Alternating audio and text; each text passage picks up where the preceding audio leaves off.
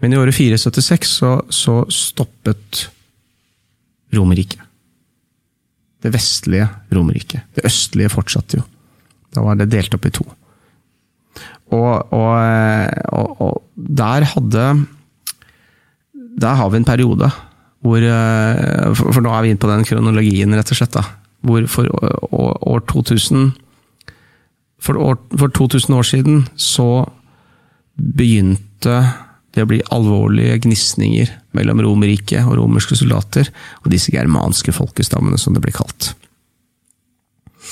Og litt av bakgrunnen til det er at begge, det, begge sider ekspanderte noe voldsomt.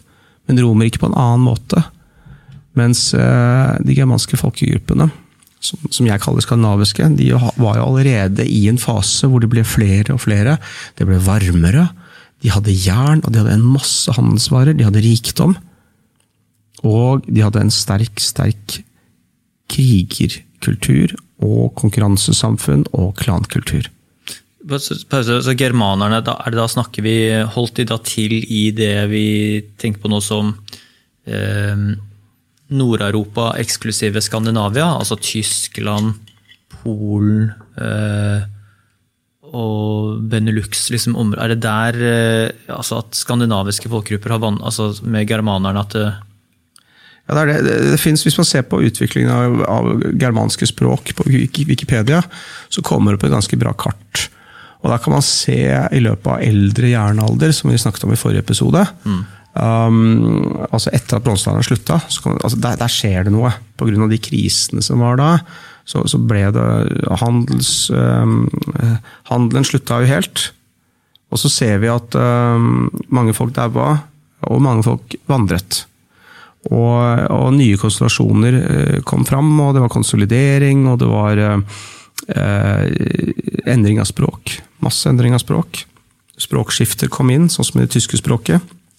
Men i løpet av de, de tusen årene fram til år null, så er det noe som skjer, og vi ser at det begynner å bevege seg det, um, De germanske språkene begynner å bevege seg ut av det området som i dag er Skandinavia, med Schleswig-Holstein, det saksiske området oppe i nord der. Mm. Det kommer folk ut, Goterne kommer ut etter hvert, men de første var i Kimbri og Tautoni, som det heter. og Derfor så ble jo germanske folkestammer kalt for tautonere ganske lenge.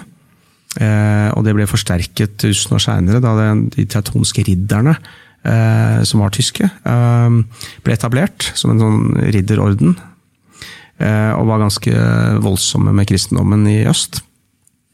Men eh, når disse kommer sørover, så var det selvfølgelig måtte det krasje med Romerriket. Og, og, romerne, de, den overgangen der hvor de går fra å eh, slåss mot dem til å begynne å leie dem som leiesoldater, og prøve seg på splitt og hersk og sånne ting, um, var jo veldig interessant. Og det er her i denne perioden hvor vi også snakket om høyde i forrige episode, og mm. ser at um, gjennomsnittshøyden til den romerske soldaten blir, øker jo da. Minimumskravet for hvor høy du må være for å være soldat. Og det har jo med at disse såkalte germanerne kommer inn, da, uh, som var høyere. Uh, men de kommer inn da med en krigermentalitet som er helt sinnssyk. Som vi fortsatt kan spore i dag og som er en del av en konkurransementalitet også. Absolutt. Um, det er en veldig fin overgang der, fra normannerne i uh, Sør-Italia uh, til de sicilianske Nei, sicilianske, altså til de norditalienske bystatene. Altså fremveksten av bystatene og konkurranser dem imellom. Det perfekte forholdet for konkurranse mellom enheter, enten det er land eller byer eller sånn som Norge, Sverige, Danmark. da. Hvordan konkurrerer sunn konkurranse? ikke sant? Det er veldig interessant fra denne perioden her. Mm. Men, men, i bunn og grunn så har vi folk som vandrer sørover. Og så skjer det veldig mye. Og så blir det, eh, på tidspunkt på både 300-tallet, men spesielt på 400-tallet, så blir det til at eh, eh, germanere slåss mot germanere. ikke sant? Når, når disse Attila-hunderne kommer inn.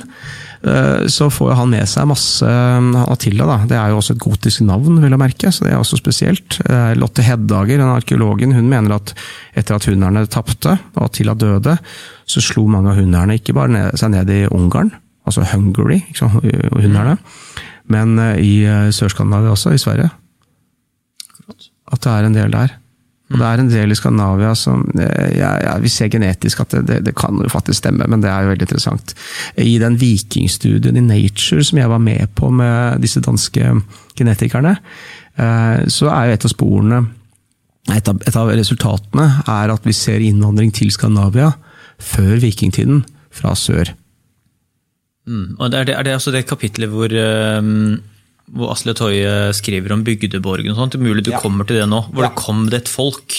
Ja. Eh, for de som måtte huske det, og gjerne måtte hoppe tilbake når de skal høre det. Det er jo interessant i forbindelse med det her også. Men det, det, det er liksom det er, på samme tid. Ja. Det er, det, er, det er den perioden jeg snakker om. 300-tallet, 400-tallet, 500-tallet. Yes. Vi ser en del um, graver i, uh, over hele Norge, men også i hele Skandinavia over um, uh, hvor, hvor, krigere er begravd med romerske sverd og hva det skal være. Uh, også en annen ting som er interessant. I, hvem var det som sa det? Det var en arkeolog som fortalte meg at det, uh, det var veldig mye handel. og vi hadde jo fortsatt da veldig mye å handle med, og mange av disse germanske folkestammene som kom ned, hadde sterk kontakt med Skandinavia, og dette hadde også å gjøre med handelsrutene. Herulerne er et veldig godt eksempel. De kontrollerte handelsruten gjennom et sånt pass. Eh, fra dagens Slovakia, serverne gjennom Østerrike. Det var en veldig viktig sånn handelsvei. Før de slo seg ned på Balkan. På Balkan så, så opplevde de at eh, de mista sin blodlinje.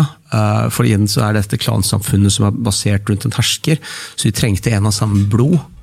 Og, og mm, da måtte de ha en fra det samme blodet i Skandinavia, så de reiste over sjøen til, Skana, til Skansa. Og så fant de en som var av samme blod som han som hadde dødd ned på Balkan, og ville at han skulle være konge. Og så viktig er det, eller var det for dem, skal jeg fortelle deg, da de kom ned igjen til dagens Tyskland ca., så døde denne personen, og da snudde de og henta broren. Og så reiste de ned til Balkan. Og Det har vi fra en ganske samtidig kilde, det er 500-tallet det her.